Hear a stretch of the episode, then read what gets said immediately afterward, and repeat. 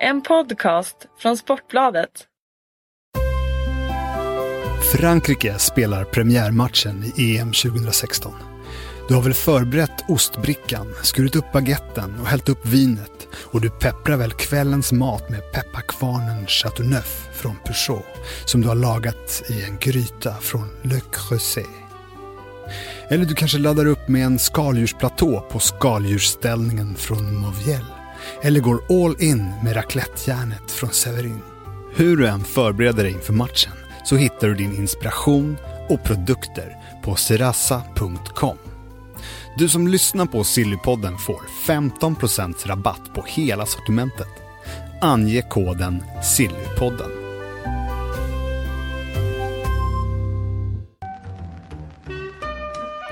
In the supermarket, you have eggs class 1, class 2, class 3. And some are more expensive than others, and some give you better omelets. That's the wrong information. Wrong, wrong, wrong information. I didn't say that. That's the wrong information. Do you think I'm an idiot? Wrong, wrong, wrong information. Now look at me when I talk to you. Your job is to tell the truth. That's the wrong information. Wrong, wrong information. Då hälsar vi hjärtligt välkomna till Sillypodden denna onsdag. Det är Sillypodden EM special. Vi ska ta och eh, börja en granskning på de spelarna som man ska hålla lite extra koll på. Både ute i Europa men även i det svenska landslaget. Vi delar upp den här eh, inspelningen i två delar kan man säga. Först har vi Erik Karlsson eh, som är fly förbannad eh, då han blivit, eh, inte felciterad men historien om Zlatan i Paris som du var nere och den, den blev fel helt enkelt. Nej, skrämmande dålig fakta kan jag. Ja, eh, vi måste reda ut det där. Eh, Du har dessutom varit i, i, i United, i Manchester ehm, och spanat efter Mourinho och känt av stämningen där och det kommer bli ganska mycket Manchester United-fokus den här första halvan. Sen kommer Fredrik Jönsson in och gör avbön på den dåligt berättade Paris-historien och så ska vi ta en titt på det svenska landslaget och några av de här U21-killarna till exempel som ju Jönsson har stenkoll på. Eh, så vi tar liksom i andra halvan och så ska vi svara på frågor och så vidare. Välkomna Martin Tholén och Erik Karlsson. Tack, tack. Och vi, men vi måste börja med, eh, ni vet den där långa forwarden eh, från Paris, nej från Frankrike som uh, slagit alla rekord, eh, flest mål i landslaget, flest mål i Frankrike och så vidare som nu har beslutat sig för att lämna. Eh, det är förstås Lotta Schelin jag pratar om som ska hem till Sverige. Eh, det var en liten, liten skräll då, eh, eller? Inte att hon flyttar hem men ändå att hon valde bort Göteborg. Att, att hon valde bort Göteborg. Ja, nej det är kul för ligan att hon kommer hem så att säga. Det är ju Känns som att det har varit ganska mycket profiler som har flyttat ut eller Ja i år Som dessutom skadat sig i Rosengård där med Engana Moi som hon nu kommer att ersätta. Eh, som sagt var då är det, hon biter sig nog lite i fingrarna i Göteborg just nu. Det, det hade de behövt. Nu blir det väl eh, Mm. Känns det som att Rosengård kommer att dansa hem det här med Schelin. Men det känns också som Rosengård har en, eh, en bra trupp för en ordentlig satsning mot Champions League också. Eh, när man har den spetskvaliteten som ju Schelin eh, bidrar med. Ja, det finns mycket rutin. Det finns mycket rutin och Absolut. många mål. Hon fortsätter ju göra mål. Hon gör ju mål vart hon än är. Eh, så är det. Ingen jättedålig egenskap om man nu ska Om man nu ska vara forward och spela fotboll. Ja, nej. Eh, hur tror ni intresset ute i Europa? Vi vet vi har sett Wolfsburg, vi har sett eh, många av de engelska lagen eh, ta fler kliv framåt. Hur, eh, eh, hur het var Lotta på marknaden nu? Hon är ju inte 22 längre liksom. Ja. Nog tror jag att de var het i alla fall. Men jag tror väl framförallt att det kanske är ett viktigare statement för damallsvenskan. Att de har tappat nu Bachmann på ett kort, på kort tag, Bachmann, Anja Mittag. Men nu får de ändå hem en världsstjärna som Lotta Schelin. De behöver inte liksom förlora en till profil. Som Nej. Nej. kan gå till en annan liga istället. Ja, det är viktigt förstås. Eh, vad förväntar ni er utav eh, Rosengård den här eh, säsongen då? Som håller på ju. Guld. ja, Så ja, det är så. så. Ja, nej, man kan, inte- man kan inte bygga ett lag som Rosengård och inte förvänta sig guld. Alltså, det var ju eh, rafflande så direkt i höstas men jag tror att det riskerar väl att bli mindre rafflande nu då kanske. Mm. Och som vår kollega Emelie skrev, grattis Rosengård men det här var inte så bra för, för spänningen i eh, damallsvenskan kanske. Bra för svensk fotboll. Men jag tycker inte vi ska underskatta Linköping faktiskt. Jag har sett dem en match faktiskt i Eskilstuna och de spelar egentligen en bättre fotboll än jag tycker att Rosengård har gjort hittills. Alltså rent kvalitetsmässigt spelar bättre. Men sen när det spelar material och spelar truppen så är det ju en nivå upp med Rosengård och de kan nog steppa upp en nivå med Lotta Schelin när de väl får igång spelet också så blir det nog Mm. gulden då till slut. Eh, ska bli spännande att följa förstås. Vi har ju ett eh, damlandslag i OS också där ju Lotta kommer vara en väldigt viktig del. Ja hon kommer framförallt att spela någonting med Rosengård innan det är över så att säga som jag förstått det. Nej. Så att eh, det hon det återstår att se lite hur hon har haft en lång säsong nu och sen rätt på OS och så vidare och spela. Så, Och in i Vilken- en, vilken- en guldstrid i Allsvenskan. Och, ja precis men eh, jag tror att eh, det kommer nog gå på inspiration tror jag när hon kommer hem här nu. Helt säkert. Ehm, det om eh, Lotta det. Vi går vidare till eh, Manchester. Den där klubben som ska sparka alla och köpa alla. Har ni tänkt på det? Alla ska bort och alla ska dit. Ja. Vi, vi skrev, eh, var det en lista på nio spelare Martin som eh, skulle rensas utav José Mourinho? Ja det stod nio i den där texten men jag räknade så gick det till tio så jag vet inte, någon, någon har gjort fel, antingen jag eller så är det dem Nej men det var det, var det mesta, men man kanske ska räkna med Guillermo Varela där eller inte, det är väl en liten halvt om han tillhör A-truppen men annars är det ju mycket som ska väck vad det verkar Kan Eh, du rabbla dem? Ja det var Darmian, det var Rojo, det var Schweinsteiger, det var Fellaini, det var Mata, det var Herrera, det var Dupay Många har vi kvar? Valen, Valencia? Young och Valencia Ja.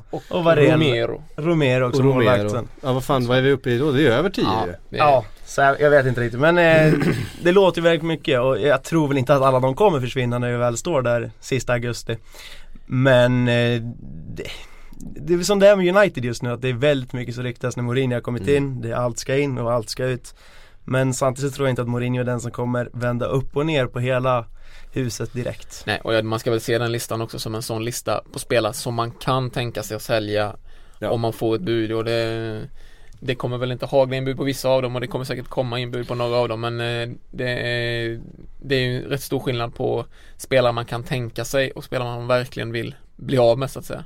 Vi har ju varit inne på det förut eh, i den här podden att det inte är helt lätt att göra sig av med den här typen av spelare när de har ett par år kvar på kontraktet som de eh, flesta utav dem har. Eh, de har väldigt höga löner, de har väldigt höga löneanspråk på nästa klubb och de har eh, skaffat sig en status efter att ha gjort den här flytten till Manchester United förstås. Så att det, det är svårt att sälja spelare från de här klubbarna, det ska man komma ihåg. Även om eh, United kanske vill göra sig av med många av de här så är det inte säkert att de kan faktiskt. Ehm, några av spelarna som ryktas in då det mest iögonfallande ryktet som har kommit det senaste dygnet är ju Saul Niguez från eh, Atletico Madrid 800 miljoner, är de, vad röker de på Old Trafford? Undrar man ju då Ja, Ja Alltså det är en ung spelare så jag förstår ju ja, Att priset- 21, 21 år gammal Ja, att priset eh, trappas upp och sen framförallt så har han ju redan redan spelat Champions League-finaler. Han är nästan med i landslaget när man petar i sista stund. Men eh, 800 miljoner, nej den kanske inte är värd men det är väl Det är sådana summor som det blir nu när eh, Premier League-lagen ska värva och det kommer kanske inte landa på 800 miljoner i slut men vi såg Martial, det var 720 eller något sånt så Mm.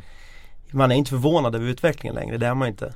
Nej, nej det är bara att, det är bara att tugga i sig eh, Antar jag, men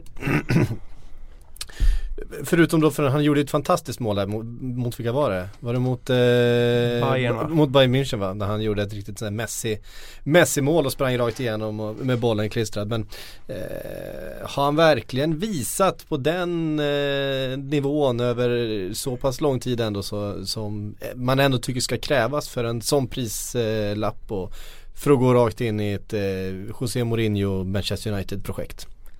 Det tycker väl inte jag. Eh, och framförallt så är jag väl mest eh, tveksam över att han har ju mest spelat eh, kant, högerytter eller vänsterytter i, i ett Atletico. Det är inte där jag tror att United kommer vilja använda honom heller. Och framförallt inte Mourinho kommer vilja använda honom. Utan det är ju en central roll på mittfältet i en tillbakadragen roll.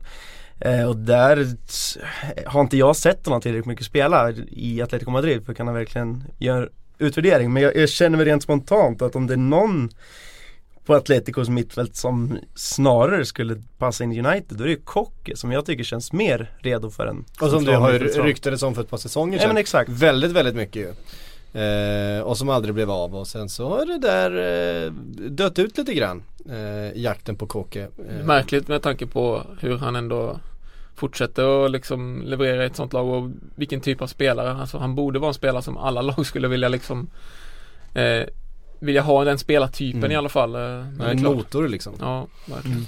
Eh, nästa spelare då som, och det här känns det som att det faktiskt är ganska nära. Det är Erik Bailly från eh, Villarreal.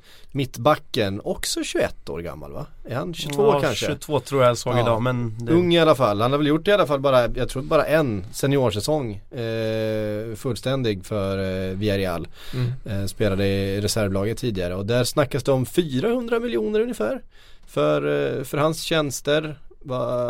Ja det är klart att United behöver en mittback och han ser ju lovande ut eh, minst sagt. En, Det har gått väldigt fort för Erik Bailly kan man säga. Han eh, hade knappt spelat A-lagsfotboll när han plötsligt togs ut i Elfenbenskustens eh, till lag till Afrikanska mästerskapen där för två år sedan är det väl.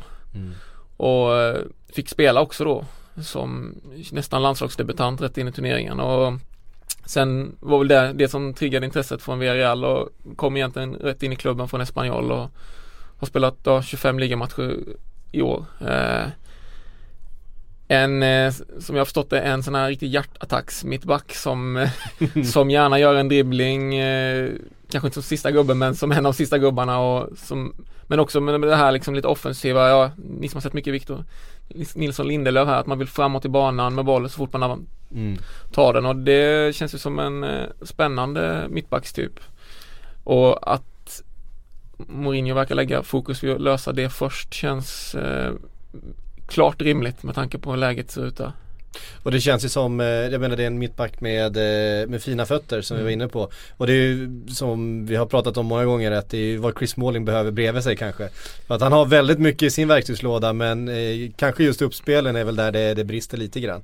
Ehm, och det känns ju som ett potentiellt spännande mittbackspar i sådana fall. Som Ja, komplettera varandra. just det har de väl försökt ha då en, en mittback med fot jämte och så har det varit Daley Blind men han har ju Mm. å andra sidan inget närkampsspel så att eh, kan man få båda de två sakerna så tror jag att eh, tror att det kan fungera ganska bra faktiskt. Sen, eh, sen återstår det väl att se hur eh, hur Bailly då klarar en, en flytt i Premier League men det känns ju som en, en spelare med både fysik och fot vilket eh, har saknats ett tag. Jo precis, för det har vi sett många som har haft tufft i inledningen men kanske då närmast eh, De närmaste senaste säsongerna så är det ju Mangala och Otamendi där som båda hade en väldigt tuff start med Manchester City och inte alls klarade omständigt Premier League Och då gå in i ett Manchester United så där, det är inte helt klart och framförallt inte med den korta bakgrund han har haft om vi ska uttrycka oss så Det kan ju också å sidan tyda på att han har eh, fler, alltså det är lite den här, han har ju också på tal om Lindelöf liksom lite den här Att man bara anpassar sig till den nivå man hamnar på. Jag vet Mm. inte om vi har sett toppen än på Bailly utan han kanske bara helt enkelt har Uh, Villarreal är inte, inget dåligt lag heller. Uh, de har släppt in bland de minst antal mål i La Liga Uh, och uh, han kanske helt enkelt inte har uh, utmanats på sin högsta nivå än. Så att det, på det viset känns det ju spännande. Mm.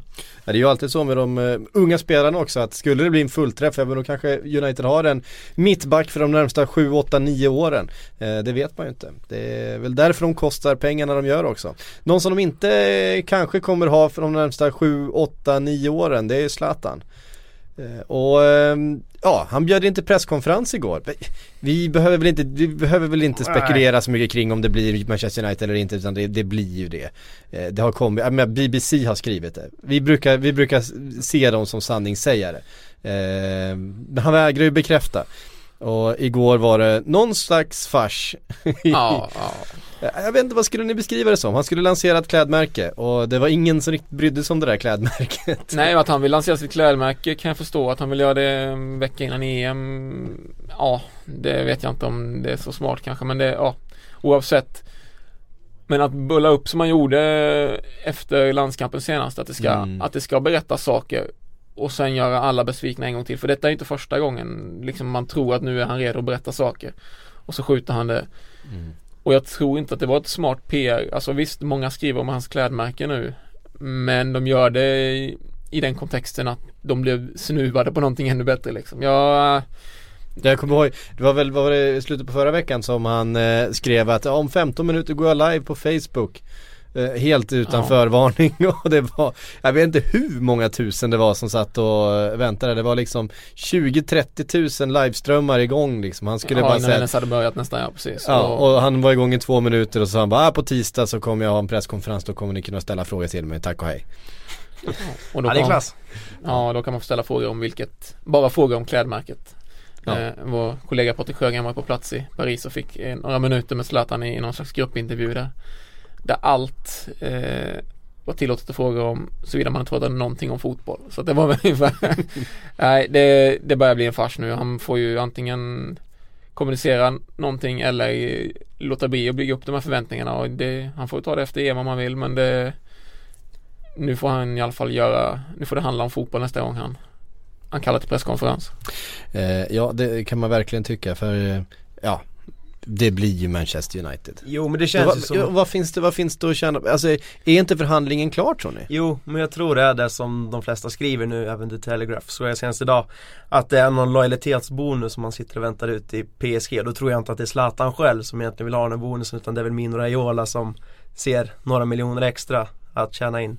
Och då ska det så handla om att han ska vä- vänta ut kontraktet till sista juni som löper ut med PSG För annars så går den här Okej. lojalitetsbonusen till spillo Aha, att det är därför som han då Men då är ju allting färdigförhandlat, det är det vi tror i alla fall Ja, mer eller mindre så. Jag Någonting vet inte sånt. riktigt hur eh, om de har lyckats göra någon form av Det ska väl ändå göras en läkarundersökning även på en spelare som Zlatan trots hans eh, superfysik och Mm. omvittnat eh, tåliga kropp så Jag undrar om den är genomförd. I så fall har de gjort det väldigt skickligt för det brukar det ändå det brukar ändå få nys om Om det sker oavsett om det sker i Manchester eller om det sker i Paris eller om det sker i Stockholm liksom. Det är jag har svårt att se att alla de där detaljerna sista är gjorda men eh, Ja och det är ett litet rävspel ska vi säga också när de går in i ett EM Jag menar Zlatan har ju haft en Ska vi kalla det en tendens att gå sönder i slutet på en säsong Flera år i rad egentligen Och nu gå in i ett EM-slutspel och sen Ja och jag menar åka på en skada där då kan mycket vara jobbigt alltså inför hösten också mm.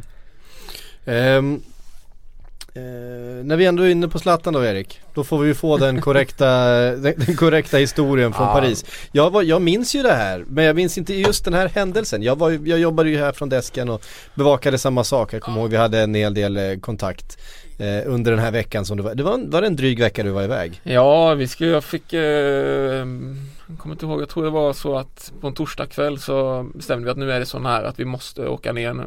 Det kommer förmodligen bli klart på fredag så jag gick hem här från redaktionen vid halv två, satt på ett plan vid halv fem på morgonen liksom för att vi skulle åka ner då, jag och fotograf Pontus Orre. Eh, vi kom väl fram dit på fredagen och ställde oss och väntade utanför Parc des Princes med övriga journalister från hela Europa. Men det hände ingenting och då fick man vänta där utanför. Och det enda som Enda sättet att liksom få någon form av kommentar i det här med Leonardo som var sportchef då det var När han körde upp sin bil ur garaget liksom.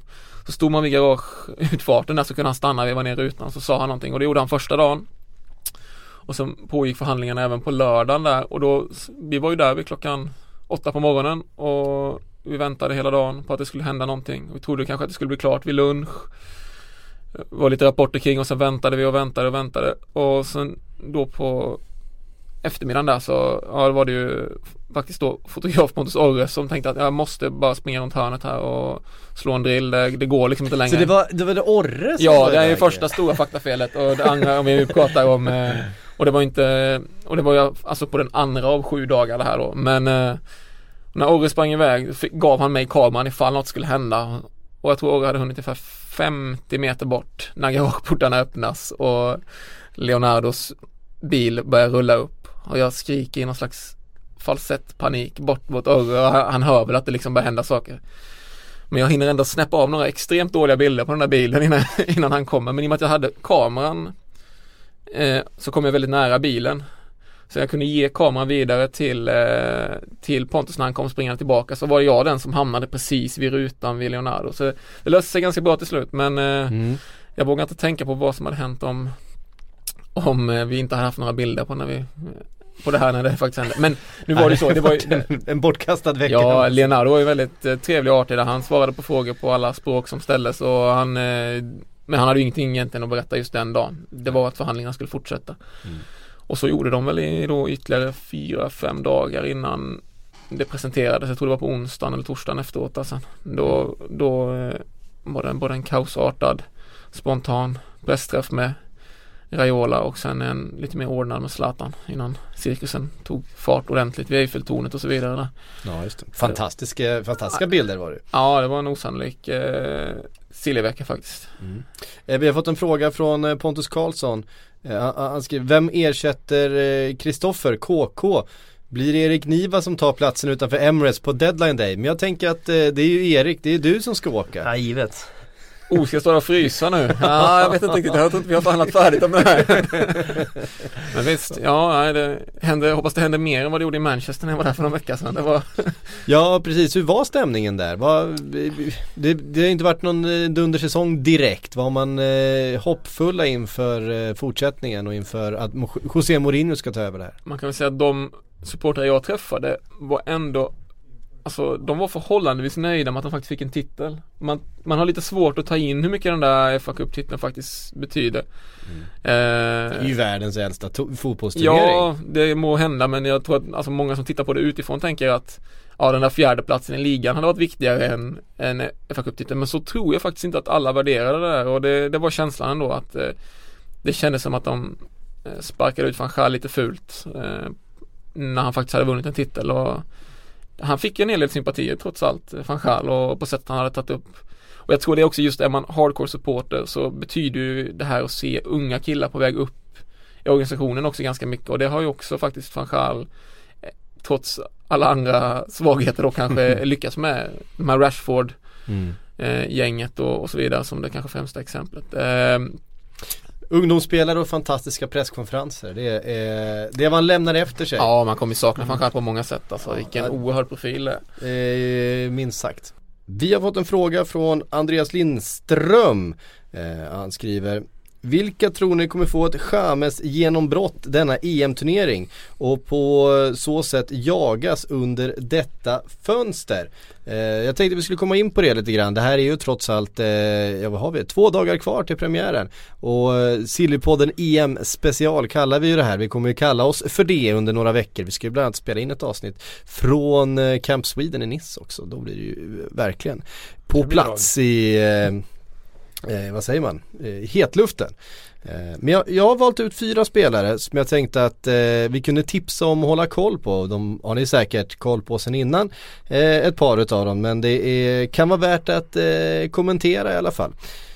Jag tänkte vi börjar med en eh, Piotr Zielenski. Det är kanske ingen spelare som gör en James Rodriguez och springer hela vägen till Real Madrid över ett mästerskap. Det hoppas du inte, en central mittfältare. Han har ju ryktats till Liverpool framförallt. Eh, Men den, den dealen ser ut att ha eh, gått i stöpet. Nu är det ju Napoli som framförallt ryktas men ingenting är ju klart. Han tillhör ju Udinese som så många andra fotbollsspelare gör. Han har varit utlånad till Empoli. 22-årig eh, central mittfältare i Polen. Och ett Polen som antagligen kommer gå ganska långt i det här mästerskapet. Eh, kan man tänka sig i alla fall. Vad, vad hoppas ni eh, från eh, Zielinski det här eh, mästerskapet? Nej men det är väl ett någonstans det jag känner att han ska få verkligen ett genombrott. För även om han har ryktats länge till Liverpool och sådär så har han aldrig liksom nått mig in i själen. Det har nog kanske inte redan inte sett honom tillräckligt mycket men att han verkligen ska få ett genombrott och att det blir den alla snackar om. Det är väl en sån utveckling man hoppas på under ett EM-mästerskap med Han- Polen. Han har väl goda förutsättningar som du säger också med att Polen har eh, ett spännande lag och en förhållandevis bra lottning här som de ska kunna gå i alla fall bort mot kvartsfinal känns det som att det finns potential och då då eh, kan det nog pratas om andra klubbar än både Napoli och Liverpool om han eh, gör det bra så att det, det betyder mycket för honom förhandlingsmässigt framöver om inte annat. Ja, eh, han kommer ju kampera där tillsammans med Krychowiak, den duktige eh, mittfältaren från Sevilla. Ju. Eh, det blir ett spännande mittfältspar eh, där faktiskt eh, och se vad de kan ta sig an och så har de ju Lewandowski där framför som eh, man kan hysta bollar till. Det, det duger han ju till. Ja det finns kvaliteter alltså. Det, Ja, det- det, är ett jäkligt bra lag de har Polen alltså. Det ska bli spännande att följa dem. Eh, eh, eh, ett annat land som har ett bra lag just nu det är Belgien. Eh, och där finns ju hur mycket spelare som helst förstås men de flesta är ju redan stora stjärnor förstås. Eh, en spelare som kallades in lite sent när Vincent Kompani gick sönder var Jason Denier om det nu är uttalet. Eh, 20 år gammal tillhör Manchester City, varit utlånad till Galatasaray. Eh, är väl det officiellt eh, fortfarande, ska väl tillbaka här nu i, i mitten på sommaren. Är väl central försvarare egentligen men kommer väl bli utskickad på en eh, kant kan man tänka eh, när Alderweireld och eh, Fertongen kommer eh, göra som de gör i Tottenham och bilda par där centralt. Ja precis, det var väl så eh, uppfattningen var innan att Denier skulle ha gått in på kompanis roll och spela någon slags mittbackspar med Lamberts. Men gick han sönder och då väljer de skicka ut Denier istället och sätta ihop Alderweireld och Mm. Fertongen i mitten. Eh, och det är väl inte helt dumt. Eh, om det är bra för Denier, det vet jag inte däremot. Vi såg lite i VM bland annat att Belgien hade problem. De fick skicka ut sina mittbackar ut på kanterna. Det blev liksom inte den här farten som kanske behövdes. Så det kanske kan liksom missgynna Denier i en, vi ska kalla det en silly season karusell för hans egen utveckling. Ja det är otacksamt och försöka slå igenom när man inte får spela på, på rätt plats så är det såklart. Eh, sen vet jag inte, det är ju spännande läge just med tanke på att han tillhör redan en stor klubb. Mm. Att han inte har syns har ju varit, har han varit utlånad mycket och spelat Galatasaray och kanske varit lite utanför eh, sökljuset men det är faktiskt så att gör han en bra turnering så kanske det inte är en fråga om han ska gå någonstans. Det är snarare en fråga om att han inte ska bli utlånad eller såld. Han spelar ju mer för att få vara Ja. kvar. Eh, det skiljer ju honom lite från många andra i samma position. Ja absolut. Ehm, och eh, det är ju också sådär att jag menar Manchester City är inget lätt lag att slå sig in i. Eh, och, och känner de att de saknar kvalitet på en position så har vi ju sett att de eh, hellre köper en superstjärna än att och flyttar upp någon från eh, de egna leden. Ehm, jo men nu får de in Guardiola där, det tror jag inte vi ska underskatta heller. Han var ju väldigt mycket där i Bayern München. Även fast inte Joshua Kimmich var hans egen så var det i alla fall en ung värvning som de gjorde från, eh, ja det var Red Bull Leipzig eller något sånt där. Jag vet, Beats inte, me. jag vet inte riktigt vilka var han kommer från, men han kommer väl från, från något mindre lag och det tror jag Guardiola kan vilja liksom fortsätta med i Manchester City, att vilja plocka upp en liten yngre kille eh, och liksom skuffa ut det lite äldre. mm. Mm. Jag har vi redan sett eh, på väg ut och det är inte omöjligt att Denier kan vara en av de ska komma upp istället på mittbacksplats istället för en Mangala eller kompani på sikt. Och ska man ge, då pratar de om att det kanske är jobbigt att spela på fel position när man då ska visa upp sig. Samtidigt gör han det bra och visar att han kan spela både ytterback och mittback så är han ju en väldigt nyttig truppspelare i ett city med lite åldrande ytterbackar och en skadedrabbad kompani. Så det finns ju liksom en roll att fylla som en som en backup på fler positioner då. Mm. Eh, nästa spelare som jag tänkte eh, man kunde nämna här eh, är Leroy Sané. Det är ju säkert många som har koll på honom redan efter en fin säsong i Schalke. Men, och det är väl en spelare som kanske inte kommer få starta för Tyskland men kommer nog få sina inhopp. Han är ju 20 år gammal och Även om det, alltså skulle det gå lite trögt i, i målskytte för Tyskland så lär han nog få sina chanser. Eh, En spelare som det surras mycket om eh, och kring på eh, olika silly-forum ute på Kan han nätet. få Schürrles roll som den evige, evige inhopparen kanske? Ja, eventuellt. Men det är väl den jag känner, du snackar om eh, James Rodriguez utvecklingen. Det är väl jag Mm. den känner som har den Liksom den som är närmast just det, det genombrottet i det här mästerskapet. Skulle han göra ett jättemästerskap här Då tror jag inte vi snackar om att han ska gå liksom ett steg upp, men då är det två steg upp. Då är det ett Real Madrid eller kanske ett Eller kanske ett Bayern München. Eller kanske ett Bayern München som brukar Du kunna plocka dem där från, från konkurrenterna i Tyskland. Det är deras favoritsyssla. Eh, Bayern München som för övrigt har sagt att de inte kommer släppa en enda spelare som de inte vill bli av med. Eh, och så kan de säga. Det, det få förunnat. Verkar ha skrivit någon slags klausul med att Pep får inte hämta med någon spelare. Nej, han får, inte, han får inte värva från eh, Bayern München. Det är väl därför eh, City vill plocka allt från Dortmund istället här. Exakt. Eh, Leroy Sané som sagt. Och eh, den sista på min lista, eh, Brel Mbolo, eh, schweizaren. Eh, som eh, är 19 år gammal, tillhör eh, Basel. Har gjort en hel del mål faktiskt på, under sin korta karriär och eh, spelat sig till en startplats ju i det ganska spännande schweiziska landslaget som väl egentligen den stora, den stora bristen de även ändå har i Schweiz är väl just målskyttet. Eh, och det är ganska mycket som faller på en eh, 19-årings axlar här och eh, tar han chansen, ja, då finns en potentiell eh, en poten- potentiell James Rodriguez eh, kvalitet eh, hos en sån ung spelare. Ja absolut, han har väl målats upp som en av de st- största talangerna som finns i Europa just nu. Eh, jag har inte sett honom tillräckligt för att kunna verkligen göra en bedömning hur bra han är. Han men tittar ju väldigt sällan på den schweiziska ligan. det gör man inte. Det, även om Frans Källström där så är det svårt att locka sig. Han har inte Zlatan, Stjernstad, sen Källström. Eh, men det finns väl helt klart en kvalitet med att ta plats i ett schweiziskt landslag. Det är inte dåligt där. Det vittnar en del om hans kvaliteter liksom. Så. Mm.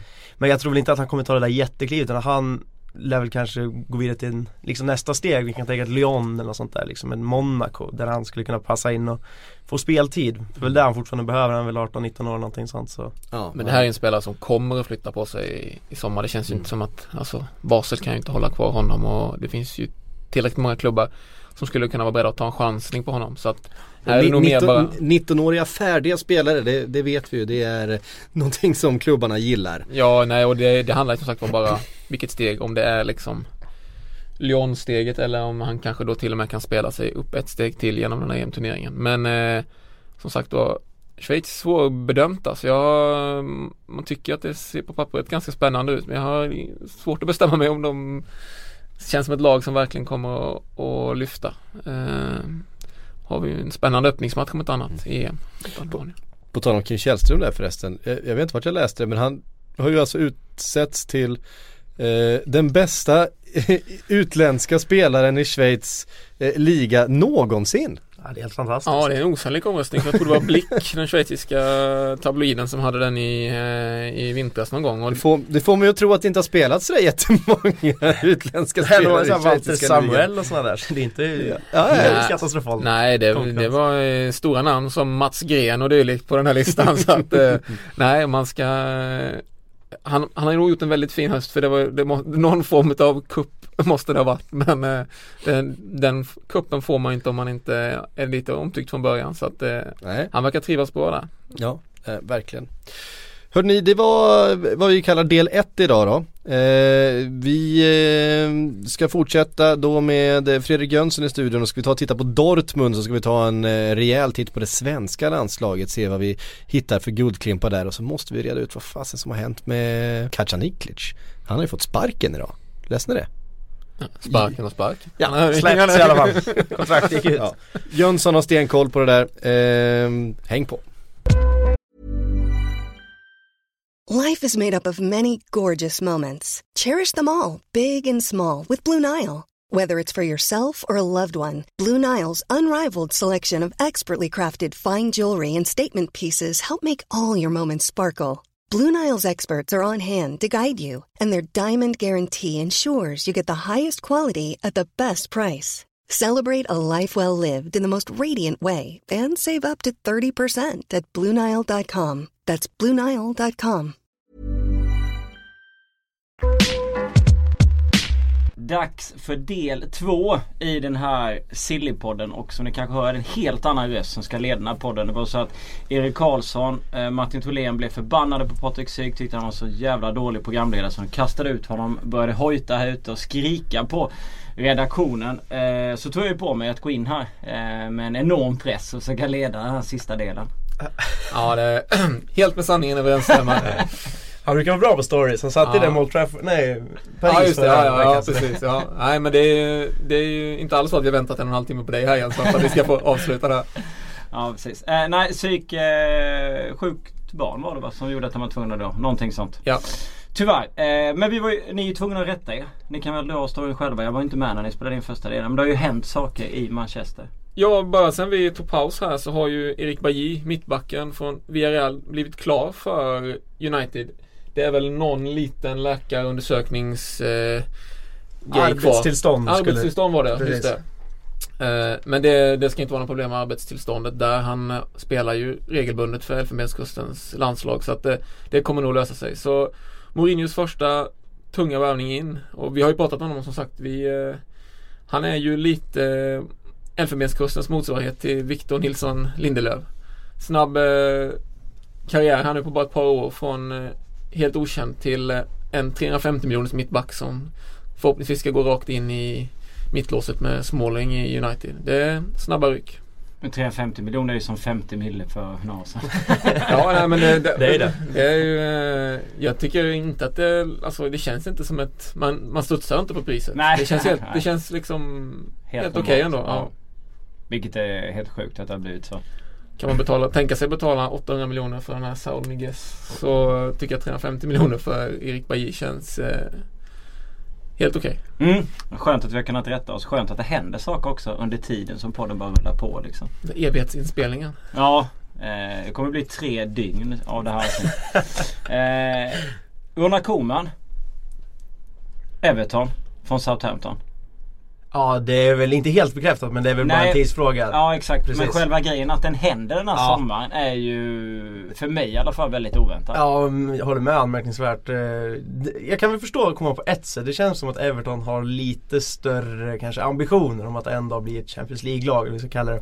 Mm. Eh, Så på det sättet kan jag förstå. Men i det här skedet när Everton känns lite svajigt. Det har svajat hela säsongen. Det känns som att Lukaku är på väg bort.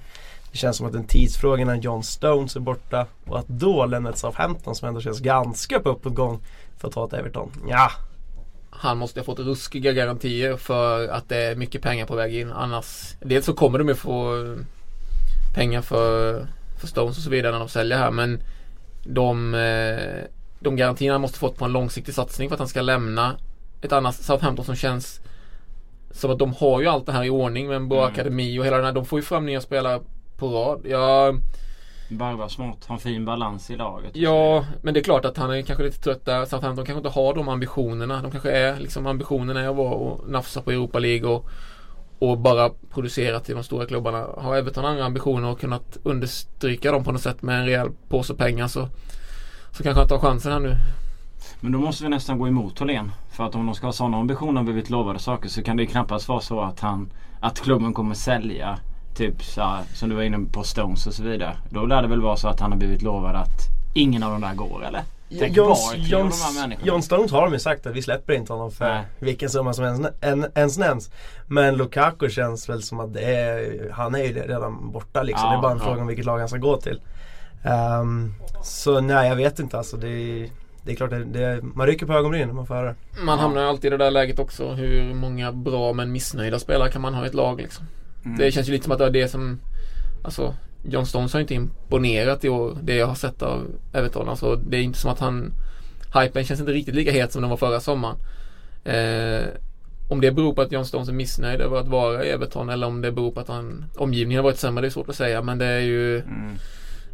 Man kan inte ha allt för många spelare som vill bort heller Då kanske det är bättre att använda pengarna till att hitta Hitta ersättare istället Ja för Koeman måste det vara att han är sugen på något annat. Han måste ju se eh, Everton som ni är inne på som en liksom mer spännande produkt att jobba med än Southampton. Eh, och så vidare. Men sen får vi vilja Får vilja se muskler och så vidare. Ja, eh, det finns, alltså man har ju alltid tänkt att Everton ska vakna och det är väl likadant han förmodligen tänker också. Att de ska bli den här liksom topp 5, topp 6 klubben. Det är så många klubbar som ska vara den här topp 5 Ja, nu alltså det, det kostar i, Det är fler klubbar som har pengar Det är ju Sen snackar vi lite om det också. De har ju, vi snackar lite utanför sändningstid så att säga. Eh, att de har ju fått eh, nya ägare också. Eh, de fick väl det här under våren eller vintern eller någonting sånt. Så, och de har ju sagt öppet att det ska bli en satsning liksom mot toppen. Så ja, jag, Koman är väl sugen på en ny utmaning. Det är väl det helt enkelt. Jag kan inte tänka mig någonting annat. Nej. Och då må, måste vi väl någonstans kunna säga också att Everton kommer gå bra nu då eller? För att Koeman är tillbaka i Southampton. Eller funkar den matematiken så enkelt? absolut inte Jag kan dementera, det dementerar vi direkt Men vad tror ni då? Om ni tittar och tänker.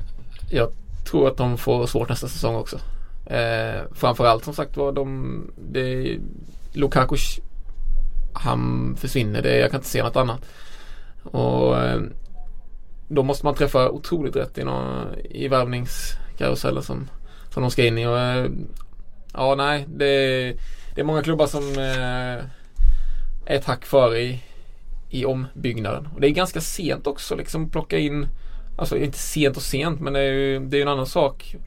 Alltså, så Mourinho har ju varit på gång hela våren. Pep var klar tidigt. Alla har ju liksom gjort tidiga affärer nu. Nu ska han in och så ska han liksom sätta en prägel på laget liksom efter EM egentligen då. För nu kommer det ju liksom kanske att svalna lite med i transferhysterin. Så ja, nej det Men samtidigt så tror jag att det är ett väldigt smart val av Everton för Koman var väl i exakt samma situation när Southampton tappade egentligen 5-6 spelare Ja, i sommar. Eh, Och kom in och räddade upp Southampton och hämtade en spelare från Holland som Mm. slog igenom totalt. Så det, det är väl en ganska sund värvning så att säga av Everton.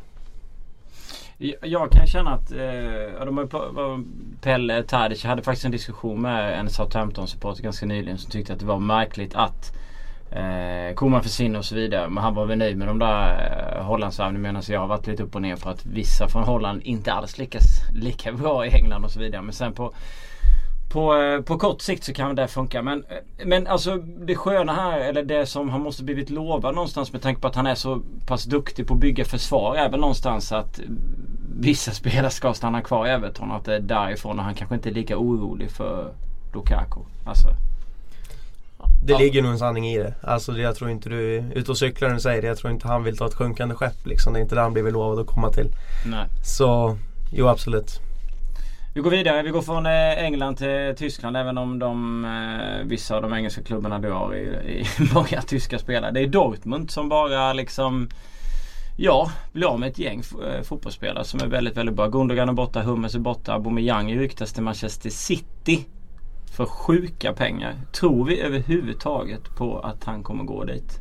Det är ganska förståeligt att Pep Guardiola vill ha Aubameyang och kan ju lätt betala 550-600 miljoner för han är ju Manchester City. Ja, det är inget konstigt liksom. Vad pratar vi om för siffror här? Är det 600 miljoner kronor för Aubameyang?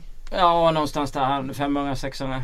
Ja, det är ändå inte alltså en- De pengarna känns förhållandevis små i sammanhanget med mycket annat man hör. Jag tycker att han är Han bör bör ju kosta så mycket. Definitivt. Ja, de gav ju 600 för Sterling. Ja, För nej, men jag menar det. Nej, men jag det.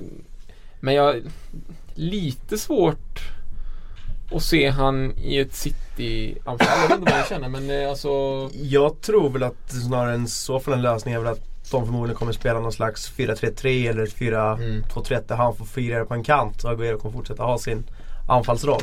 Eh, och det var väl mycket i franska ligan han spelade i sånt igen innan så det är inte helt otänkbart. Nu vet jag inte var de här uppgifterna kom från den här gången. Eh, Det har ju Det känns ju som att eh, det har varit lite läget nu att Pep får inte värva från Bayern så han plockar allt han kan hitta från, eh, Ja. från Dortmund. Och, ja, det är, det är lätt att gå den vägen att Pep ska plocka från Bundesliga. Han för att har- förstör rivalen istället. Mm, lite Ja. så. Men eh, ja, alltså att Aubameyang vill flytta på sig. Eh, det känns ju tydligt så att för all del. Den som avslöjade allt det där det var ju Douglas Costa själv som inom brasilianska intervju fick en fråga om han skulle kunna tänka sig att gå till Manchester City och Pep Guardiola sa nej jag får inte gå dit för Guardiola har fått stopp på värva från Bayern München. Han avslöjade allting. Så. Underbart.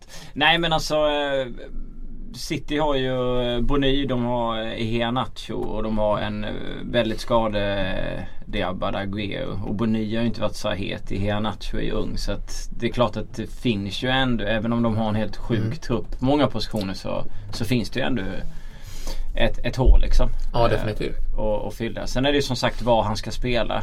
Uh, har Agüero sina skadeproblem så är det inga konstigheter. Då är det ju bara att sätta honom längst fram som, som forward. Det är inga konstigheter överhuvudtaget. Men sen är det Det är klart uh, det ska bli intressant att se vad man väljer att göra. Men Dortmund blir ju liksom helt, uh, helt sönder.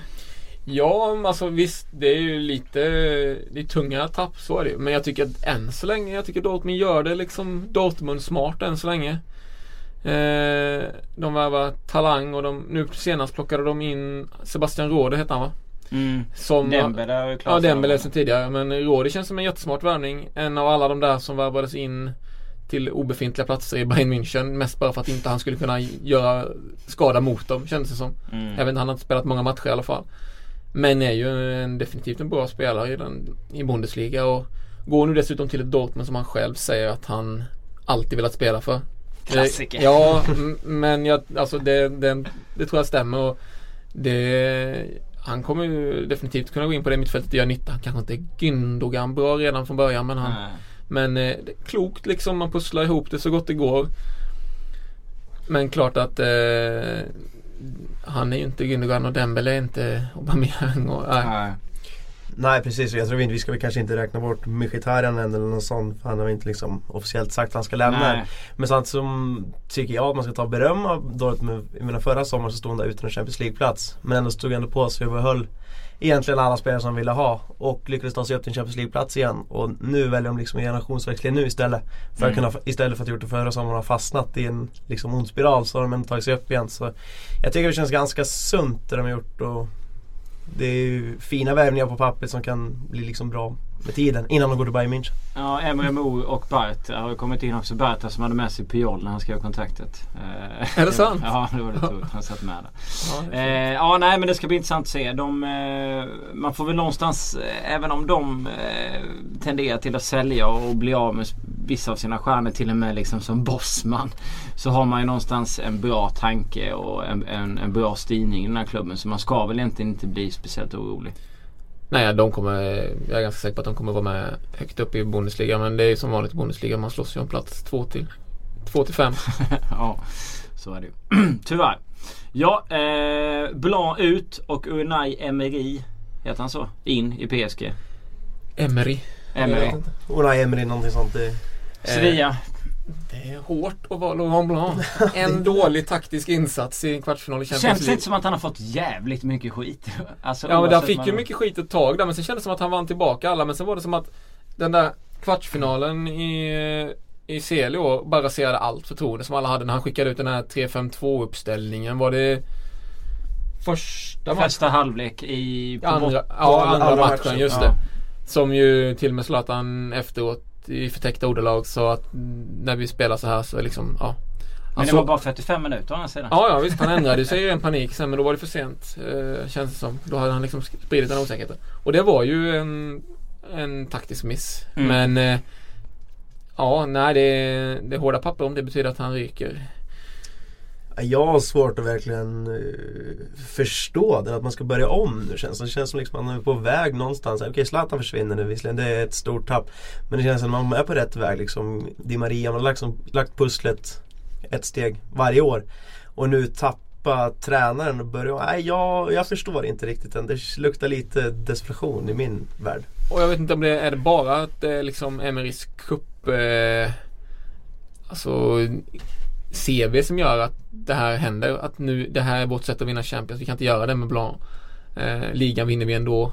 Nu ska vi in en cupcoach. Alltså jag har lite det Jag har svårt att se att en spelare vill komma med till PSG för att Unai Emery står vid sidan än Laurent Blanc. Det är inte som att de är ett Nej. namn som lockar mer eller mindre på något sätt. Eh, nej. Eh, lite som sagt som Martin säger att det är svårt att förstå varför.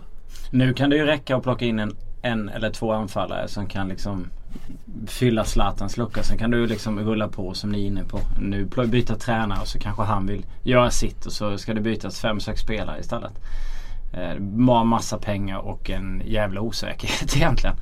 Eh, ah, skärp er i PSG. Vi går vidare med eh, ja, Liverpool special. Patrik Syk älskar ju, älskar ju det här. Eh, den här Higuain-storyn. bilden- Ande svävar över studion. ja, eh, bilden på Copa America där Klopp fångades på läktaren. Eh, vad som antogs vara Higuains bror och agent. Eh, och sen har ju Liverpool då sagt att de inte har något i- intresse i Higuain. Vi satt ju faktiskt och skrattade åt det här i en annan podd att det inte skulle vara någon annan. Men det var väl bara kul att se den här bilden. Ja det var ju alltså Jürgen Klopps son va? Ja precis, Ja. precis. Eh, och det, ja, det är briljant att han är väldigt lik Iguains eh, bror. Bara det är ju Det ska mycket till men eh, ja nej Iguain till Liverpool behöver vi nog inte fundera på. Det, det tror jag finns, finns andra som vill hugga där för. Kör en favorit i repris också Benzema till Arsenal. Det är bättre att hålla med efter den här. Kommer det någonsin hända? jag, jag, jag, jag lyssnar ju oftast på Silverman. Jag är inte of, så ofta med men det här jag har fattat att det är liksom körschemat som Psyk skriver så är det, han red- han rederar allting utom en rad i det här körschemat varje vecka. Ja, nej tack. Det Nej. kan vi skriva av igen. Jag tog den här bilden, eh, såg den här bilden som spreds på Wardy. De hade bara bytt huvudet som var från... Eh... Xhaka. Ja exakt, den presentationen slår jag ut. Det tog väl någon minut så började folk hugga på mig direkt. Precis som att jag inte visste att det var fake men jag ville bara reta upp människor liksom. Det är så jävla gött under silly-tider. folk ond. bara- Ja. Eh, hur folk reagerar. Eh, vi ska köra lite eh, svenska landslaget. EM ska ju snart sparka igång. Eller ska vi börja med en spelare som är utanför EM kanske? Och utanför landslaget. Det var länge sedan vi såg honom där. Och utanför klubb eh, fotbollen överhuvudtaget ja. ja. Vi vet inte vad fan han gör just nu. Men eh, Alexander Kasaniklic har fått gå från Fulham. Ja, det är väl inte så konstigt. Tänkte säga, hans kontrakt gick ut och med ett gäng andra spelare så släppte de honom där. Ja. Han som för tre år sedan, eller så, fyra år sedan eh, räknades som den var liksom Emil Forsberg då. Ja. Den näst bästa spelaren bakom Zlatan. Det ja. Tog slut fort. Det var Tankovic, det var Kasaniklic och det var Ibrahimovic. Eh, två av dem föll bort. Ganska. Tankovic är ju u och sådär men han har ju inte haft någon sån. Men Kasaniklic, vad är det som har hänt egentligen? Han fick in, vad heter han, den hårde tyske tränaren i Fulham som förmodligen... Ja. Ja, men det... Det var ju Magat där, men jag är inte speciellt förvånad över att han lämnade för det var man ganska tydlig med för den tre månader sedan om inte jag minns helt fel. Någonting sånt, tre, fyra månader Ja. sedan. Att han ville bort från Fulham nu för han kände att det räckte liksom. Han, han stod och stampa. Eh, så det är väl bara att egentligen berömma honom tycker jag. Att han verkligen vågar ta ett sånt steg och liksom känna att nej men nu är det dags att lämna. Men vart ska han? Det är väl det som jag hoppas att han har en plan. för. Eredivisie. Vad heter det? Som alla andra. Ja, nej men alltså han måste ju bara få spela nu och helst hitta en klubb där han har där det är kontinuitet. Jag menar Fulham har ju varit kalabalik verkligen. Det är ju eh, vad hade de? Fem tränare där på ingen Mm. tid alls. Det, Mm. det går ju inte om man inte om inte klubben i övrigt också rullar på hyfsat liksom. Så att, Jag fuskkollar lite. Eh, jag glömt av hur gammal han var. 24 är han. Fyller 25 nu i mitten på augusti. ingen ålder på en häst. Nej, han har varit i Fulham sedan 2010. Varit utlånad för bland annat till Watford, Burnley och även Köpenhamn var det väl 2014. 19 landskamper har han gjort. Men det känns ju verkligen som en spelare som bara har eh, försvunnit så jävligt långt bort. Men det är ju en sån spelare som också är så oerhört beroende av att vara lite i zonen liksom. Mm. Han är ju en av de få, det var ju därför han fick så mycket plats. En svensk spelare som kunde göra sin gubbe Ja. på kanten. Och eh, det hade vi, hade vi och har vi ju ganska ont om. Så, men har man då inget självförtroende så då blir man ju en helt meningslös spelare Ja. på många sätt. Och då spelar det nästan ingen roll vilken division man spelar i Nej. heller. Nej. Om man inte har farten, om man inte har drivet och inte vågar göra sin, sina saker så då går det fort. Eh, men eh, i en offensiv liga som den holländska eller något liknande där han får kontinuerlig speltid i ett någon slags 4-3-3 Ja. läge. En, så visst, han skulle väl säkert kunna hitta tillbaka det tror jag. Som sagt var, inte 25 fyllda. Det, Mm. det finns många år kvar. Gärna en klubb med balans då som har, Ja. spelar inte så stor roll om de kanske har lite dålig defensiv men bara så de har någon offensiv så att det funkar. Eh, så att han får tillbaka självförtroende och annat. Men om vi går in på eh, EM-truppen. Vad har ni, vad har ni för tankar? Eh, vi vet ju en som absolut kommer att flytta. Om han nu inte bara ska sälja kläder resten av sitt liv. I Zlatan Ibrahimovic. Ja, vi pratade om den här presskonferensen när du inte var med innan. Ja. Den orkar vi inte med. Men Nej, eh, men om vi kollar då på... Eh, jag ser på körschemat att han har skrivit upp Albin Ekdal. Och Jag vet inte riktigt hur han tänker där. Jag känner inte riktigt att han Nej, han ska, flytta. nog inte röra på sig. Nej, Han, det ska han inte göra. han blir kvar där. Oskar Lewicki. Ja, eh, Steket efter EM eh, förra året. Eh, kändes som att det en tidsfråga innan han flyttar. mm. Men våren har ju han inte kanske tillhört topp Eh, taskig man säger topp 5 eller ska jag nöja mig med topp 3 av de allsvenska innermittfältarna. Nej, men det är bara att hålla med. Det är bara Ja, med. definitivt. Och det, det är väl liksom lite på nytt födelsen ska komma nu känns det som. Alltså Ja. under EM-turneringen. Om Ja. det ska bli liksom någonting mer utav Oskar Lewicki än en liksom En allsvensk Ja fotbollsspelare. men typ så. Det är, Det är han väl. men Alltså han, jag tror också att han är väl en spelare som Alltså man tänker att han ska komma hem och dominera allsvenskan men han är inte en spelare i ett Malmö dessutom som alltid har mycket boll och som aldrig, Ja. där liksom den defensiva biten som han är så himla bra på är ju liksom, den behöver han inte visa upp så hemskt mycket.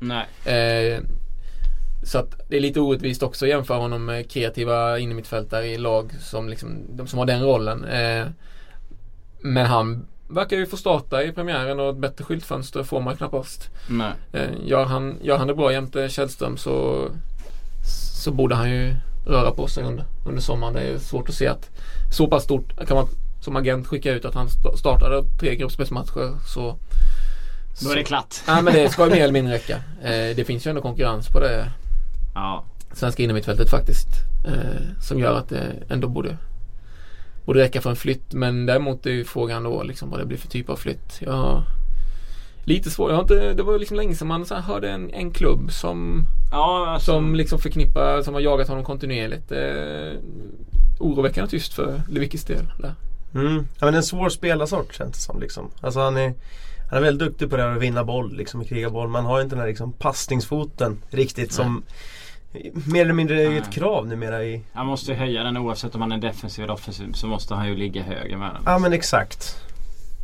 Men sen är ju, blir det otroligt spännande med om, om eh, ni kollar på Malmö FF när säsongen började så gick Daniel ut och var stenhård mot Ado. Att han skulle typ liksom bara lägga honom till sidan, skulle spela någonting och bla bla bla.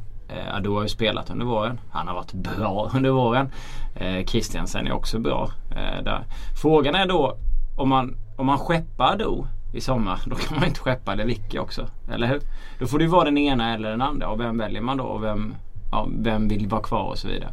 Det är väl en ganska, det är väl en betydande grej för Lewicki. Att bli av med både Lewicki och Ado samtidigt är ju jättetungt. Ja det vore jättetungt för Malmö FF. Eh, det är inget snack om. Samtidigt har de ju en Erdal Rakip som någonstans förtjänar nästa chans snart. Liksom, eller nästa steg liksom att få kontinuerlig speltid hela tiden i en startelva. Ehm, och Malmö har väl varit, vi såg Champions League-året liksom, de var inte rädda för att släppa fem sex spelare bara så det var ju bara svår, svårt, att, svår, jag har svårt att placera en klubb eller vilket. Det är det som gör det så svårt att liksom säga någonting. Ado känns ju liksom, han kommer försvinna till någon kanske Belgien, Danmark, Holland, Frankrike kanske, Italien, Empoli var det vi snackade om. Så ja, nej, det är svårt att hitta en klubb där på Lewicki. Det är väl det jag känner framförallt bara. Ado har varit på väg till MLS. Var det som var så otroligt nära eh, förra fönstret. Oskar Hiljemark, 38 framträdanden i Palermo. Tror jag han gjorde. Jag vet inte om han spelar från start i alla men jag har för mig att det är något sånt där. Eh, en säsong där, flyttade från PSV och har ju varit eh, bra i Palermo. Har ju faktiskt imponerat i Palermo. Eh, men bara varit där en säsong. Kommer de släppa honom? Det som talar emot, ja precis det som talar emot är att han inte är så bra att de hängde kvar nu. Eh, Ja. Jag vet inte heller, alltså, jag, jag tycker man borde söka sig bort från Palermo om man får möjligheten för att det kaoset som råder där kan liksom aldrig vara bra för en långsiktig utveckling. Det är oerhört starkt att vara ordinarie i ett Palermo som byter tränare. 15 gånger, 9 Ja, gånger. nej, men det, ja, det är nästan tvåsiffrigt den här säsongen. Ja. Liksom. Och det, han eh, håll sig kvar i Serie A. Hoppas att det finns någon Serie A-klubb med lite mer stabilitet som kan Mm. vara intresserad. Men då är det frågan om Palermo vill släppa till en rival ligaklubb. Jag hoppas han jag hoppas han kommer därifrån men jag är inte fullt lika säker som jag var för tre månader sedan på att han skulle lämna. Nej det har väl snackats mycket om Premier League och sådär men det, det är också en otroligt, det snackas mycket om Watford men det känns som att Watford är ett sånt lag, de plockar in liksom allt möjligt de hittar Ja. i Spanien, Italien. Och det är som att byta Palermo mot, mot Palermo. Alltså, Ja, Ja, lite- men lite någonstans så. så. Han behöver ju också Eller göra ett val liksom som fortfarande innebär att han kommer spela, spela sina 35 matcher varje säsong. För att ha liksom den fortsatta utvecklingen och kunna ta nästa steg. Så jag vet Jag tror att han, eh, som du var inne på, alltså att han värdesätter de där matcherna. Och inte vill ha någon slags PSV-situation liksom. Så att jag tror nästan att han kommer stanna kvar. mm. Det tror jag Är det inte så att Palermo också på väg att sälja sin andra mittfältare nu tappar jag namnet? Är det Vasquez? Nej, Jo, stämmer. Ja. Det är Spurs som är intresserade. Ja, han är ju på väg bort och är väl... alltså-. Men det, det viktigaste av allt är väl att Samparini är på väg bort. Det har varit snack om visserligen många år men det är väl kanske Hiljemarks bästa affär den här sommaren. Ja det lär han Hon får på vem som kommer in med galen hot över den Ja. Ja. Emil Forsberg. Eh, har gjort det bra i Schweiz Bundesliga. Har varit kung där nere. Eh, skrev på ett kontrakt i vinter, eller vad säger jag, februari. Ett femårskontrakt. Fick bra betalt. Eh, står med på eh, Syks eh, lista. Jag tror inte han flyttar. Nej. Om inte det blir eh, fyra EM-mål. Ja, precis. Och det är ju... Det är ju inte omöjligt. Nej, det är, nej, men på riktigt så det är ju den spelare man är mest spänd på att se nu. Det är ju... Alltså han, så bra som han har varit i de senaste landskamperna och är han det och han skiner ju verkligen i ett svenskt lag för det är inte så många andra som har de egenskaperna så han sticker verkligen ut. Eh, kombinerar han med Zlatan och gör ett par tre baljor eh, och Sverige tar sig till åttondel och kanske rent av en kvartsfinal med lite bra lottning. Eh, jag är lite optimist just nu. Just, just idag när jag vaknade var jag optimist. Men då, då tror jag att eh, det kommer rycka till honom från medelbra Premier League-lag och då kan helt plötsligt löneanspråken vara bra till och med med Red Bull Leipzig mått mätt. Jo men precis. Men de ska samtidigt vilja sälja också. Ja, det är väl det som talar emot att Red Bull Leipzig själva är i en sån situation att de liksom är på väg uppåt och att de ska släppa sin bästa spelare egentligen. Det låter ju nästan otroligt med tanke på deras målsättning och ambitioner. Så det talar vi mycket, ja, mycket för att han blir kvar. Men jag tror väl framförallt att EM-turneringen för Emil Forsberg är ett skyltfönster kanske inför nästa sommar. Eller Mm ett vinterfönster om Red Bull Leipzig ligger på en tionde plats och har marginal ner till strecket. Eh, Att det då kan bli tal om försäljning. Men i sommar, nej. Ja, men de irländska tidningarna hade ju inte så jättebra koll på dem. Det är inte så konstigt. Eh, kanske inte så många som sitter och kollar på Zweite Bundesliga som, som jag har gjort den gångna säsongen. Men, men eh, alltså i och med att jag träffade ju Ralf Rangnick och jag är jävligt svårt att den hårde mannen ska släppa Emil i sommar oavsett vilka pengar som kommer. Men eh, absolut att han kanske flyttar inom, jag ska inte säga nästa sommar men kanske ja, sommaren efter i så fall för att testa något annat. Men det är klart han har ju drömt om Bundesliga så länge och det är ingen dålig liga. Så att, Nej herregud, alltså är, Han sitter ju inte i sjön, han sitter ju i superläge. Det Ja, kan ju bara, det kan ju liksom inte Han kommer ju inte ta några chansningar i ett lag där han inte blir lovad speltid. Han sitter ju Nej. på en guldsits så att Ja. det, det är väl mer bara en fråga. Jag tror däremot att vi kommer läsa extremt många rykten om Emil Forsberg från den 15 juni och en, en och en halv månad framåt Mm. tills det att eh, Ralf Rangnick har eh, stängt igen dörren med en smäll. För att ett bra EM kommer sätta fart på rykteskarusellen där. Absolut. Erik Johansson eh, hade inget lyckat eh, utlandsäventyr i Belgien. Och det har ju egentligen jävligt få svenska fotbollsspelare haft om vi skulle gå in på just Belgien. Eh. Men han ska väl ingenstans? Nej, eh, det var det jag tänkte på. Så vi eh, skiter i Syks Erik Johansson och går vidare på Vic- Victor Nilsson Lindelöf istället. Som ryktas till alla möjliga klubbar. Lite överallt. Nu ska han inte till United i alla fall. Nej det ska han inte. Eh, även om det har, har funnits intresse där. Jag känner väl någonstans att eh, det där är liksom rykten hit och rykten dit från olika klubbar är ju spel inom den här branschen. Och just i det här fallet så tror jag det är för att han kanske vill ha ett bättre kontrakt. Ja, Det var väl snack nu, jag tror det kom en uppgift senast igår om att det var på, på väg att komma fram ett nytt kontrakt och framförallt en ny utköpsklausul som skulle vara 100 miljoner högre. än Älskar när de portugisiska klubbarna tog in en sån jävla Ja, men exakt. klausul. Liksom. Eh, och jag, jag tror väl att Victor Nilsson Lindelöf själv är så pass smart och så pass liksom med liksom vad det är för karusell han är inne i. Att han kommer vilja stanna i Benfica liksom försöka Mm. verkligen spela till sig en ordinarie plats även nästa säsong. Mm. Eh, så jag har svårt att se att han försvinner men återigen det är, det är som vi snackade med Forsberg att det är ett skyltfönster och jag ser väl direkt när rapporterna kom om Juventus så kände jag att det kändes ganska logiskt med tanke på att de har en ganska ålderstigen backlinje med bon, inte Bonucci utan Barzagli och Chiellini. Så finns det på någonstans där liksom en återväxtplats inom några år. Men det finns kanske inte pengarna för att köpa från Benfica som också har en backlinje som Det har du helt rätt i. Det har du absolut rätt i. Eh, det känns lite så i alla fall. Eh, och sådär. Sen har han ju lite annat att stå i. Eh, för er som inte hade koll på det där med den där tvisten med agenten. Och det där kontraktet mellan de två löper ju ut i oktober. Om agenten har rätt så skulle han skriva på något innan så skulle agenten få ersättning. Och det känns ju inte som att han kanske vill ge honom några pengar. Det kändes det- såg lite frostigt ut ja. Ja, nej, de firar inte midsommar tillsammans. I det läget som är nu. Men om man tittar övrigt här nu. Där var det bara lite efter vad Psyk hade skrivit upp. Vad tror ni själva? Robin Olsén skrev på för Köpenhamn. Carlgren kommer förmodligen inte eh, flytta. Eh, liksom, Isaksson. Vänder han hem nu liksom? Avslutar sin karriär någonstans i, i Ja, i det är det här Malmö Mm. som har varit med. Alltså jag, det känns väl som att eh, man är lite intresserad av vad som händer med Augustinsson om han får speltid i Mm. EM. Så är det Absolut. ju en spelare som det skulle kunna hända saker kring. Mm. Eh, men då måste han knö sig förbi Martin Olsson i, i kön där också först. In. Men gör han det han, eh, så har han ju potential att lyfta liksom i sommar och bli i alla fall en ryktesspelare väldigt mycket. Absolut. Jo men exakt. Och det är så att Martin Olsson kan väl ju också det är väl han spelar liksom på Premier League-kontrakt den här Ja. sommaren skulle jag tro. Eh, och vi, John Guidetti kom det rykten förut och skulle Celta Vigo framförallt plocka in Vietto där så känns det som att Guidetti faktiskt borde röra på sig. Ja, han får vinka, vinka good, goodbye till den här stan liksom. Så, ja, Det som kändes så jävla stabilt och bra. ja men precis så kom de här ryktena om nya anfallare. Men Men, men alltså, ehm, eh, nu bara komma... Men eh, alltså han, eh, kommer inte han tänka för, för länge innan han flyttar på sig igen då? Jan? Nu när han ändå har kommit in där och är så populär. Kommer inte han försöka liksom? Han har ju ändå fansen med sig. Ja, alltså, Oavsett vem de hade jag, menar. jag hoppas att han eh, skruvar på fansknappen här och Ja. eh, skapar lite opinion. Men det är ju samma läge där. Två, två mål i gruppspelet som inhoppare. Mm. Så, eh, så kommer det börja komma andra bud och kanske han lockas vidare. Men jag, nej, jag hoppas att han blir kvar. Eh, det känns som att det har gjort honom gott. Och han verkar liksom ha trivas i, i staden och omgivningen och det händer liksom.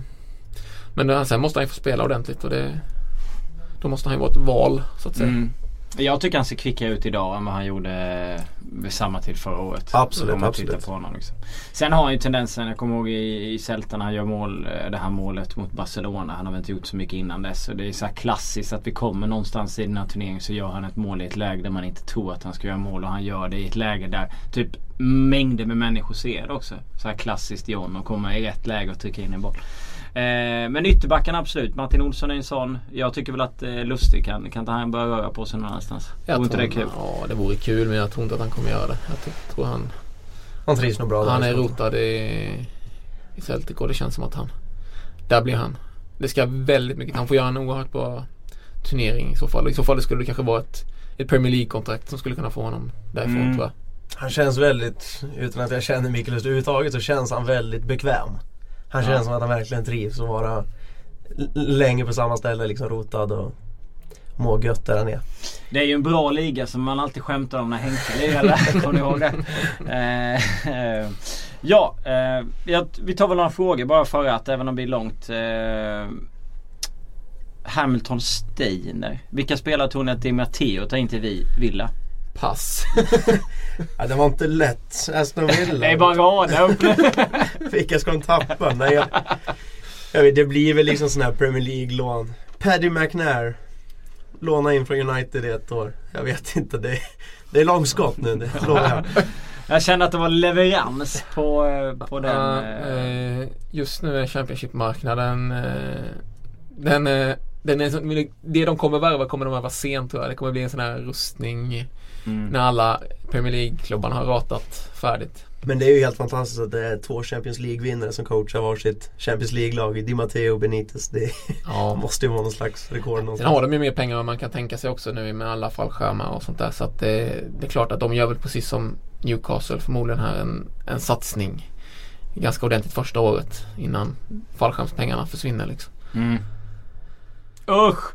Eh, Oliver Lundell, det ryktas om att det, det sker har en utköpsklausul på 30 miljoner pund. Borde inte Barcelona slå till? Det tror jag inte att han har. Det tror inte jag heller han har. Det, det, det, jag har läst någon- Oliver ljuger. Men det man väl läst någon gång det är väl att Real har haft någon slags överenskommelse med United om att köpa loss honom efter Efter det som skedde förra sommarfönstret. Ehm, men att de skulle dumpa Keylor Navas nu för de Gea, nej det tror jag inte. Att han skulle gå till Barcelona, nej. Nej. Han blir nog kvar där. Tyvärr Oliver. Oskar Kisk, holländare, Vincent Jansen fyller 22 år om några dagar. Gjorde 27 mål på 35 matcher.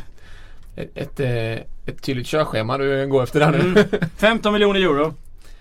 Men vad han ryktades nu Jansen? Han, Det var Spurs i Just det. Och det känns väl fullt rimligt. De har väl en, de har väl länge sökt den där andra anfallaren bakom Harry Kane. Eller med Harry Kane kanske man ska till och med ibland, vad vet jag.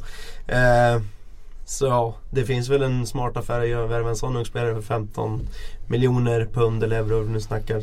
Det låter ju inte helt otroligt. Han har väl gjort debut för holländska landslagen den här Mm. eh, våren också så. Svårt karriärskliv för Vincent Jansen ändå. För att det är inte som att Kane brukar inte bjussa på så många minuter. Och inte så många skadeomgångar heller. Det är, det är tufft att kliva in där bakom och räkna med att få så mycket. Det är Europa League-resorna. Nu blir det ju för sig eh, När det blir Champions, Champions League så det kanske finns matcher som ska spelas där med som man kan få in och kliva in lite på men den är tuff. Jag ska göra Per Axel Fredriksson glad bara för att vi pratar om Arsenal så sällan. Ironi! Eh, chansprocent med följande rykten att gå i hamn till Arsenal. Wardy, hur nära är han procentuellt sett? Vad, vad ger ni för procent? 75? 52? 63? 37? Ja, 63 tycker jag nog är ändå nära sanningen. Jag känner väl 80. Oj, så pass. Oj. Ja. Jag tror absolut att det kommer att gå i hamn Ja. Efter EM. Jag tycker vi inte pratat tillräckligt mycket om det här. Det här är ju det mest spännande nästan som har hänt den senaste veckan. Men man Alltså- pratar då? Ja men alltså det är ju så orimligt att Wenger vill köpa en 29 år gammal, alltså men det, min silly-hjärna funkar inte längre. Om han kan göra det här då kan han göra vad som helst. Att han kan köpa någon som är så pass gammal menar du? ja och för så pass mycket pengar som det ändå handlar om. I och för sig kanske ett kap men alltså Det känns oerhört lite Wenger. Eh, men eh, är han beredd att göra detta så kan han ju vara beredd att göra lite vad som helst i sommar och då Jo men det, det, det förstår inte jag hur, hur, hur Wenger resonerar om man ska gå in med Wardy nu och några 200 miljoner, 250 miljoner vad han kostar och ändå inte ens ha gjort ett anspråk på Zlatan Ibrahimovic som är helt gratis liksom. Det är, jag menar Zlatan skulle tillföra så pass mycket mer vad Arsenal behöver än vad Jimmy Wardy gör, tror jag. Eh, Det känns som att en kontringsspelare i ett Ja. Arsenal upp på topp. Nej, jag ser inte det. Jag ser inte vad... Men Wenger håller ju stenhårt vid sin och han ser ju alltid att han vill ha Ja, han- kontringsspel. Han ser ju sina Ja, men är, det fjärdeplatser no, är, det, är det något de har så är det ju fart. Känns det Ja. som. Men då får Eh, man ju skicka iväg Theo Walcott hej då och dra liksom i så det är väl i sig inte helt osannolikt. Nej. Eh, Men ska de ersätta honom? Jag håller med dig. Alltså, Men det är inte där han ska Nej, Han alltså kan inte den- spela på en kant. de har ju aldrig, alltså de har inte riktigt kunnat eh, liksom fylla luckan för en, en riktig forward centralt. Och Zlatan är ju perfekt. Jo, du har ju liksom inte, de hade Bentner där ett tag och det var ju så här alltså. Men han lär ju sig inte Wenger. Så att egentligen är det ju inte du säger att du inte förstår honom, egentligen borde du förstå honom. Ja, jo, Det det gör jag ju. Men det är ju klart, alltså det är ju det är en helt annan lönetrappa han spränger Ja, om han jo. ska in Zlatan. Det är ju den nästan som är viktigast för, eh, för? Wenger. Just att eh, inte, inte låta den budgeten skena iväg för då ska alla andra också ha så mycket mer betalt. Wardy kommer ju liksom få mycket betalt men det kommer inte vara på den nivån. Nej. Eh, Men samtidigt är det ju sjukt hur den affären bara tog fart. Vi satt där för Ja. en vecka sedan och sa aldrig i livet han stannar. Men vilka ska ha honom liksom? Newcastle åkte ur. Det finns inga klubbar kvar. Och så kom det här och så var det... Ja, nej. nej, det är mind blown. Mares då? Till Arsenal. Det verkar ha kallnat lite va? Nu, jag tycker att eh, från, från den första rapporten där så har det liksom tuggat tillbaka lite att det är inte det han är det han är sugen på riktigt ändå. 22 procent känner jag. Ja, ja precis. Ja just det, vi skulle ha procent. Ja, nej men eh, du och jag verkar ganska överens. Tholén drar till med 92. Nej, nej inte riktigt än. nej. Han blir dyr också. Han, han blir nog, ja, han blir nog kvar. Ja. Noll säger du då. Eh, James Rodriguez från Real Madrid. Det är också nära noll för mig. Till Arsenal? Arsenal, ja. ja. nej det känns, Ja, det känns avlägset. Ja, ja men nu, nu kan vad som helst hända det jag säger. Han har öppnat Pandoras ask om man på sam- det. samtidigt har ju Wenger ändå ändrat lite sin fil- filosofi om vi jämfört med typ fem år sedan. De har ändå plockat in Özil och Ja. Alexis Sanchez de senaste säsongerna. Jo, Så han har ju liksom han, där har han ju faktiskt gått utanför sina ramar. Precis. Ja. Nej och Chamez är ju dessutom i en, i en bra ålder och en Om nu Wenger någonsin har tänkt så en, eh, en marknadspotential. Eller var det inte, han fick inte gå nu eller var det för att han hade så många Twitterföljare? De var rädda, rädda att tappa marknadsandelar i Skulle de både ha Alexis Sanchez och eh, Chamez så har Arsenal täckt av hela Sydamerika sen här. Utom då, Brasilien. då är de och Barcelona. Ja mest. precis. Så har Ja, de. herregud alltså. Den sista är Mkhitaryan. Eh, han den killen som ska gå av de här fyra. Har han högst procent? Till Arsenal? Mm. Nej, Det är bara för, för Arsenal. det har, det har ju Wardy. Wardy. Ja, det har det. Eh, nej men nej, Arsenal... jag- Nej, jag säger Nej. nej. Jag, vet, jag ser inte riktigt vart han ska passa in. De har liksom Özil i den rollen redan. redan och, 15 procent ger det. nej, 10, 8, 7. Två. Countdown. Ja, procent. nej skräddaren säger nej. Undrar hur många affärer som har blivit klara under tiden vi har suttit här och mumlat. Hur som helst så är det här avsnittet eh, färdigt om inte ni har något mer att tillägga. Det är nog långt så det räcker vid det här laget. Eh, vi tackar för oss och så hörs vi igen när det är dags för en nytt avsnitt.